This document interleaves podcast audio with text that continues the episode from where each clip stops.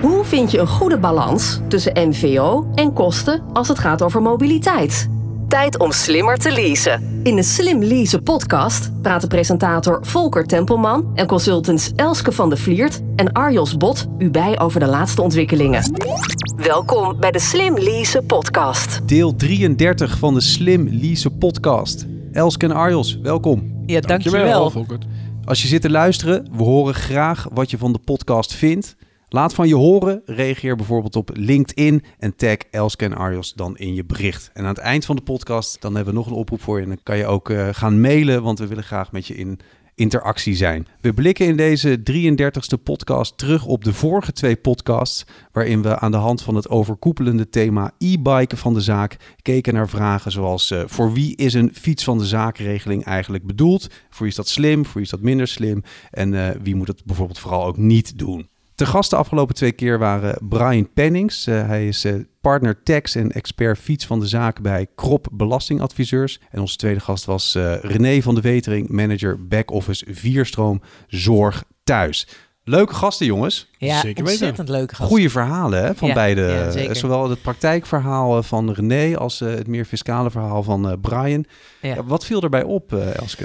Nou, wat mij vooral opvalt is dat je het eigenlijk niet meer kunt maken als werkgever om niet iets te hebben op het gebied van fiets. Dat je, je hoort best wel dat medewerkers er dus ook echt om vragen. En Brian gaf ook aan dat er veel bedrijven zijn die er mee bezig zijn. En ja, het zit nu nog in de eh, praatfase. Maar je kunt gewoon niet meer zeggen van nou ja, je zoekt het maar uit met je fiets. eh, je krijgt 19 centen, dat is het dan. Je moet echt een plan hebben. En je moet echt daar een idee over hebben als, Als je in deze markt aantrekkelijk werkgever wil Ja. Worden en of blijven, Ja. er zijn zoveel voordelen, zowel Ja. qua eh, eh, fysiek, zeg maar, vitaliteit, Mhm. als Ja. qua duurzaamheid. eh, denk aan eh, uitstoot, of vooral geen uitstoot. Ja.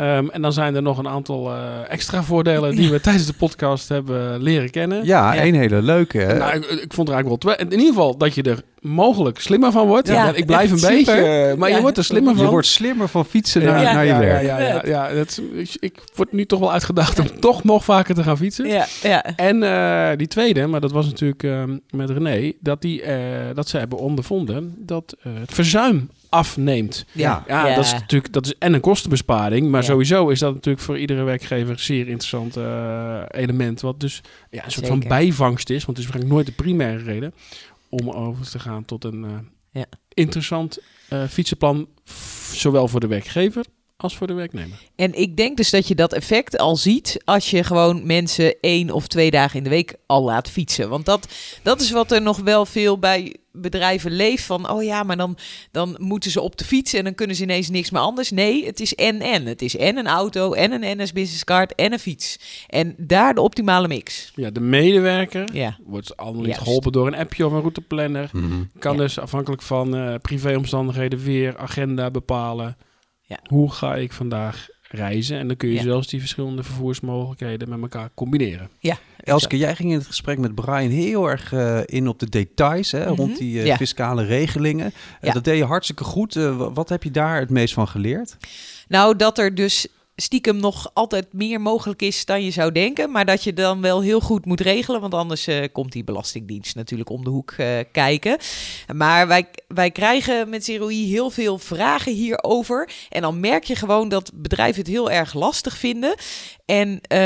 eh, ook dat ze zoiets hebben van ja, maar ik maak nou even een simpele berekening. Nee, het is dus niet gewoon een simpele berekening. Want bij het ene bedrijf is er nog wel geld voor de werkkostenregeling over, bij het andere niet. Eh, bij de ene kan het wel uit het bruto loon, bij de ander niet. Eh, Het ene bedrijf heeft wel geld om te investeren, het andere niet. Dus je moet echt even goed een berekening maken. En daar heb je gewoon iemand voor nodig die al jouw fiscale cijfers kan zien. Mhm. Ja, rekening houden met de specifieke casus waar het, eh, Ja, die het betreft. exact. Ja, en onderschat het dus ook niet volgens mij. Eh, je Nee. moet je goed inlezen en eh, laat je vooral helpen door eh, mensen die er gewoon meer verstand van hebben. Ja, en dus ook echt wel door een fiscaal expert.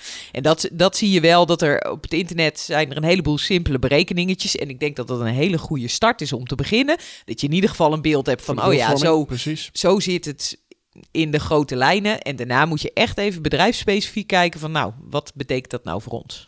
Jij zegt uh, vanuit uh, Zero E uh, heb je hier veel mee te maken. Mensen vragen er heel erg naar. Brian is zo'n specialist. Ja. Zie jij al meer bedrijven die zich daarin specialiseren, belastingadviseurs? Nou, er zijn er wel wat, maar ik denk dat dat nog wel een kans is. dat als je als belastingadviseur zegt van nou, hier ben ik heel goed in en daar heb ik mijn expertise op, dat je daar nog wel wat mee kan winnen. Ja. Dit is de Slim Lease podcast met Volker Tempelman, Elske van de Vliert en Arjos Bot. Zijn er verder nog meer uh, details die naar boven kwamen uit dat, uh, uit dat meer uh, dieptegesprek, gedeelte ja, van het gesprek? Nou, ook vooral wel, maar dat kwam later, dat je dus de bijtelling uit de WKR nog kan betalen. Dus dat is ook als nog werkgever. als werkgever. Dat is nog weer een extra voordeel voor de werknemer. Maar dat kwam later, maar vooral die bruto-netto verrekening, dat je dus dan betaal je het als werkgever. Dus dan moet er ook nog bijtelling betaald worden. Nou, dan is het maar weer net de vraag hoe, uh, hoe financieel leuk is het voor de werkgever. Mm. Ja, Mhm. dat is dus. Uh, nou ja, ik vond dat wel uh, een mooie manier om ernaar te kijken. Gewoon weer anders dan gewoon een fiets van de zaak waar je bijtelling over betaalt. Mij viel ook iets veel makkelijkers op dat je de e-bike van de zaak ook heel erg voor privé mag gebruiken. Precies, ik Ja. wou het net Ja. gaan zeggen, want Oh, dat, ja. dat natuurlijk ook een belangrijk feitje is wat Ja. boven tafel kwam, is dat het dus echt niet uitmaakt hoe die fiets er zeg maar uitziet. Eh, ja, er, staat, niet- er is niks voorgeschreven over het aantal wielen, aantal versnellingen Ja. en of Nee. het nou een racefiets is, full carbon of eh, een oma-fiets. Eh, alle fietsen zijn mogelijk. Ehm, en er is Ja. ook helemaal verder geen controle op het daadwerkelijk zakelijk gebruik. Nee. Zolang je die bijtelling betaalt, Ja. eh, is het zeg maar afgekocht en mag je hem onbeperkt gebruiken. En dat kan Ja. zowel zakelijk zijn als privé. Ja, het kan zelfs een driewieler zijn, eh, bij wijze van. eh, Ja. ja. Ja. Eh, want Brian, eh, of eh, René liet na de opname van de podcast ook nog even de fiets zien die zij gebruiken Ja. bij, eh, bij zijn bedrijf. Ja. Een Batavus, Batavus Cura. Ja, ja. En dat was inderdaad een, eh, ja, dat is wat zij ervan hebben gemaakt. Een hele prima fiets. Het was een hele prima fiets. Ja. Ja. Waarbij ze, dat is natuurlijk wel heel sterk, een, laten we zeggen, een vertegenwoordiging van de medewerkers gevraagd hebben om eens Ja. na te denken. En ook te testen. Want ze zijn dus wezen proeffietsen op allerlei verschillende fietsen, begrepen we. Ja. Ja, vertel maar welke fiets eh, het meest bevalt. En aan de andere kant hebben ze natuurlijk ook wel gezegd, het moet wel een beetje een simpele fiets zijn. Want hij moet wel het gewoon doen. Mhm. En er moeten Ja. niet allerlei hippe fietsjes op zitten, waardoor die eh, misschien eh, defect gaat of het even weer Ja. dure reparatie nodig is. Maar op basis van de input en wat ze ervan gemaakt hebben, ja, het ziet er Ja. gewoon heel keurig uit. Ja, want nog even erbij halen. Zij hebben acht fietsen erbij gepakt eh, en daar een proef mee gedraaid. Ja, acht fietsen, eh, waarbij ze gemerkt hebben dat er, nou ben ik het even kwijt, 60 of 65 procent eh, Ja. toename was in de fietskilometers. Ja, dat is natuurlijk één, fantastisch. En als daarbij is, want dat was een, een primair doel, de reistijd, zowel ten opzichte van een gewone fiets als ten opzichte van de auto, is in beide gevallen met 11,5% Ja. afgenomen. Mhm. Wat voor die mensen natuurlijk gewoon betekent dat ze meer tijd hebben voor, Ja. laten we zeggen, handen aan het bed. Of in ieder geval hun Mhm. primaire Mhm. werkzaamheden. Ja. Ja, dat is natuurlijk fantastisch. Als je dat zo kunt faciliteren. Als je dat doorrekent op dit soort aantallen medewerkers, aantallen uren die je dan extra kunt besteden aan je cliënten. Ja. Welke, welke hobbels eh, gaf hij aan in het eh, traject? Nou, ik vond dat hij betrekkelijk weinig hobbels eigenlijk heeft eh, meegemaakt. Eh moest het allemaal even goed uitzoeken. En dan moest hij natuurlijk met Axel in gesprek. En dan ga je de fietsen bestellen en dan duurt het eh, lang, zeg maar, hè, voordat je ze uiteindelijk hebt. Ja, wel zeven maanden, hè? Ja, Voordat, wel zeven voordat de maanden, fiets ja. echt is. Ja, Ja, wel dat goed om begint even op elektrische auto's eh, te lijken. En er is natuurlijk gerekend, hè. Eh, Ja. Die mensen krijgen nu allemaal reiskostenvergoeding en eh, declaraties. En dat kost ook allemaal geld. En dat Ja. is dan niet meer of minder. Heel, heel veel Ja. minder. Ja. Eh, dus er is een business case natuurlijk opgesteld over wat kost het de medewerker en wat kost het de werkgever. Want ja, ja. het is natuurlijk wel, eh, hoe noemen we dat? Geld vanuit eh, de samenleving wat besteed Ja. wordt aan de zorg. Dus het moet goed besteed worden. Wat hebben jullie nou nog meer geleerd over de regeling fiets van de zaak? Heb jij iets eh, nog erbij geleerd, Elske? Nou, ja, erbij geleerd. ehm, jij bent al natuurlijk heel goed op de hoogte, sowieso. Ik heb vooral wel, wat ik heel boeiend vond, was hoe het dan in de praktijk uitwerkt en hoe bedrijven daarmee bezig zijn. Mhm. Eh, of ik echt nieuwe dingen, weet ik niet zo. Maar nou, misschien ja. niet nieuw, maar die renteloze lening is natuurlijk ook Ja. wel iets wat je wel, waar je, het is een optie die bestaat, die fiscaal zijn er niet heel veel eh, mogelijkheden vanuit een werkgever om een renteloze lening te verstrekken aan de medewerker, maar die fiets is daar nadrukkelijk een eh, uitzondering op en kan dus wel.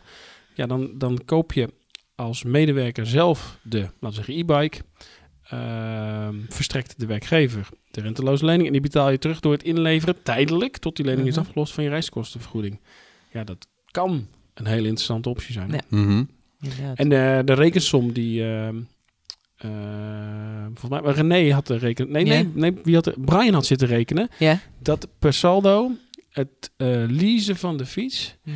en het eventueel overkopen aan het eind van het contract per Mhm. saldo goedkoper kon zijn. Ja. Eh, tot 25% had hij het over. Dan eh zelf die fiets. eh, Ja. Ja, dit zijn hele. En Dat is specifieke... wel heel interessant. Dat- ja, inderdaad. Precies, dit zijn hele specifieke zaken, eh, maar inderdaad super interessant als je hier echt mee aan de slag wil. En dat is Ja. natuurlijk toch eh, voor de mensen die ook luisteren naar de podcast het ding. Je, je zit hiermee te Mhm. puzzelen, je wil weten Ja. waar je aan toe bent inderdaad. Dit is de Slim Lease podcast. Wat verwachten we, Elske, van de nieuwe regeling? Er is bijvoorbeeld een concrete doelstelling, eh 200.000 fietsen. Ja, dat is, en dat gaf Arjels ook al aan in de podcast met Brian. Het is een beetje de vraag of het nou echt doorzet of dat het blijft hangen, zeg maar. En als het echt doorzet, dan, dan moet die aantallen makkelijk gehaald worden. 200.000 fietsen, dat eh, redden we in Nederland wel, zeg maar. Dus eh, de, dat is ook niet... Ik denk dat er 16 miljoen of zo fietsen zijn. Dat is meer dan... kunnen, eh, ja, ja, ja. ongeveer meer dan, eh, meer dan, meer dan- meer dan ja. inwoners, sorry. Ja, meer dan inwoners. Ze zijn meer dan 17 miljoen, dus ja... 200.000 meer of minder dan, dat is ook nog wel te overzien. Want wat zijn die 200.000 fietsen dan precies? Eh, nou, eh, medewerkers die dus echt op de fiets naar het werk gaan. Want dat is, dat is wel de bedoeling van de overheid. Dat er om de bereikbaarheid te vergroten en de CO2-uitstoot naar beneden te brengen en de luchtkwaliteit te verbeteren, dat er meer mensen gebruik maken voor het woon-werkverkeer van de fiets. Dat, Ja. is, dat is echt de doelstelling. En dat moeten er 200.000 zijn. Ja, ja nou plus hè, van wat Ja. er nu, eh, nu al fietst. Ja. Ja, inderdaad. En Dus- vergeet je niet, sinds de regeling is natuurlijk vanaf 1 januari, maar daarvoor was er ook een regeling, maar dat was wel een draak van een regeling. Ja, inderdaad. Ja. Administratief, complete no-go. Ja, ja. Ja, dat werd, dat kwam- werd ook wel ja, duidelijk, ja, hè? Ja, maar Ja. als je nou gewoon even van een afstandje kijkt naar wat we allemaal voor st- stimuli hebben op verschillende Ja. duurzame, schone vervoersmogelijkheden. En we zijn een fietsland bij uitstek. En wat we daarvoor regeling hadden, eh, echt complete mismatch. Nou, dat heeft de overheid nu getracht eh, op te heffen. Nou, die regeling is heel simpel, plat. Ja. En dan blijft de vraag over, wil je hier als werkgever in meegaan? Mhm. En zo ja, op welke manier dan? En ook welk steentje wil je er eventueel financieel nog aan bijdragen? Mhm. Ja. Om maar vitaliteit, duurzaamheid, aantrekkelijk werkgeverschap. eh, dat gaat allemaal hand in hand dan. Ja, want ik weet niet of eh, Brian dat nog tijdens de podcast zei of daarna. Maar zij eh, zijn natuurlijk nu bezig met die regeling hè, vanaf 1 maart. Ook Ja. voor hun eigen medewerkers. Maar dat er ook wel is gezegd intern van ja, jongens, hè, wij zijn een bedrijf waar duurzaamheid voor staat. Wij, wij vinden hier iets van. Dus dan moeten we ook, dan moeten we niet alleen zeggen van nou ja, we kijken of het kostenneutraal helemaal kan. Dan moeten we er ook gewoon ruimte, budget, dat soort dingen voor vrijmaken. En dan mag het, mag het wat meer kosten. Dus en dat is, dat is niet voor elk bedrijf zal dat even voor de hand liggend zijn. Maar ja, als je dan kunt doorrekenen wat je aan verzuim eh, eh, bespaart. En als je kunt doorrekenen aan wat je aan parkeerplaatsen bespaart. Want Mhm. ik hoor eh, getallen van 750 euro voor een parkeerplaats tot 2000 euro voor een Zeker. parkeerplaats. Nou, Zeker. Per 2000 jaar, euro voor per parkeer, ja, per jaar. Dus dan kun je makkelijk zijn fiets verkopen. Hè? Dat, dat gaat al heel snel, levert dat op. En voor, bij beiden eh, was het heel duidelijk dat uiteindelijk het beleid is geworden voor iedere medewerker. Iedereen is Ja. in scope. Ja, En dan koet of dan, dan hebben we maar links of rechts dat het iets Ja. meer kost. Ja, maar ja. voor iedere medewerker. Ja, is ook in- voor, bij allebei, hè? Voor Ja. René eh, zelf Ja. bijvoorbeeld, Ja. want die zit dan Ja. ze- niet op eh, de fiets voor zijn werk. Ja. Eh, hij werkte in de back-office. Ja. Ook voor hem. inderdaad. Dus voor dat iedereen. vind ik wel, eh, dat is wel grappig. Ja. Het is op basis van NS2, maar hey, Ja, maar toch, ja. Dit is de Slim Lease podcast. Ik vind het wel bijzonder dat eh, Nederland eigenlijk al wereldwijd eh, een ontzettend eh, fietsland is. Iedereen kent ons Nederlanders van de fiets en de tulpen en de klompen en wat allemaal nog meer. Maar we kunnen dus nog veel meer fietsland zijn eigenlijk. En, dat Ja. en dat gebeurt dus ook al. Ja, ja, ja, ja. We, wij, iedereen, hè, bijna iedereen heeft wel een fiets in de schuur staan. Dat is vaak niet zo het probleem. Alleen er ook daadwerkelijk op fietsen en elke dag naar je werk op fietsen. Want we, hebben, we zijn niet alleen een enorm fietsland, we zijn ook een enorm autoland. Bijna iedereen heeft ook een auto voor de deur staan. Ja. En dat loopt terug, zeker in de steden, et cetera. Maar het is, wij hebben gewoon, we zijn denk ik een eh, heel erg mobiliteitsland. We houden gewoon van ons voortbewegen. Dus eh, we hebben en een fiets en een auto. En, eh, ja. En de infrastructuur, hè? En de Want infrastructuur de is heel wegen goed. en Ja. de fietspaden en zelfs de, de, de Ja. opkomst van de snel fietspaden. Ja, Ja, dat is ook wel interessant. ja.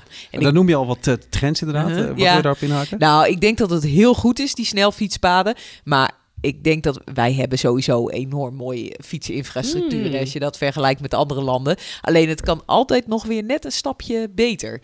En we zitten hier vandaag eh, bij Arval in Houten. Eh, als je het nou hebt over een fietsstad.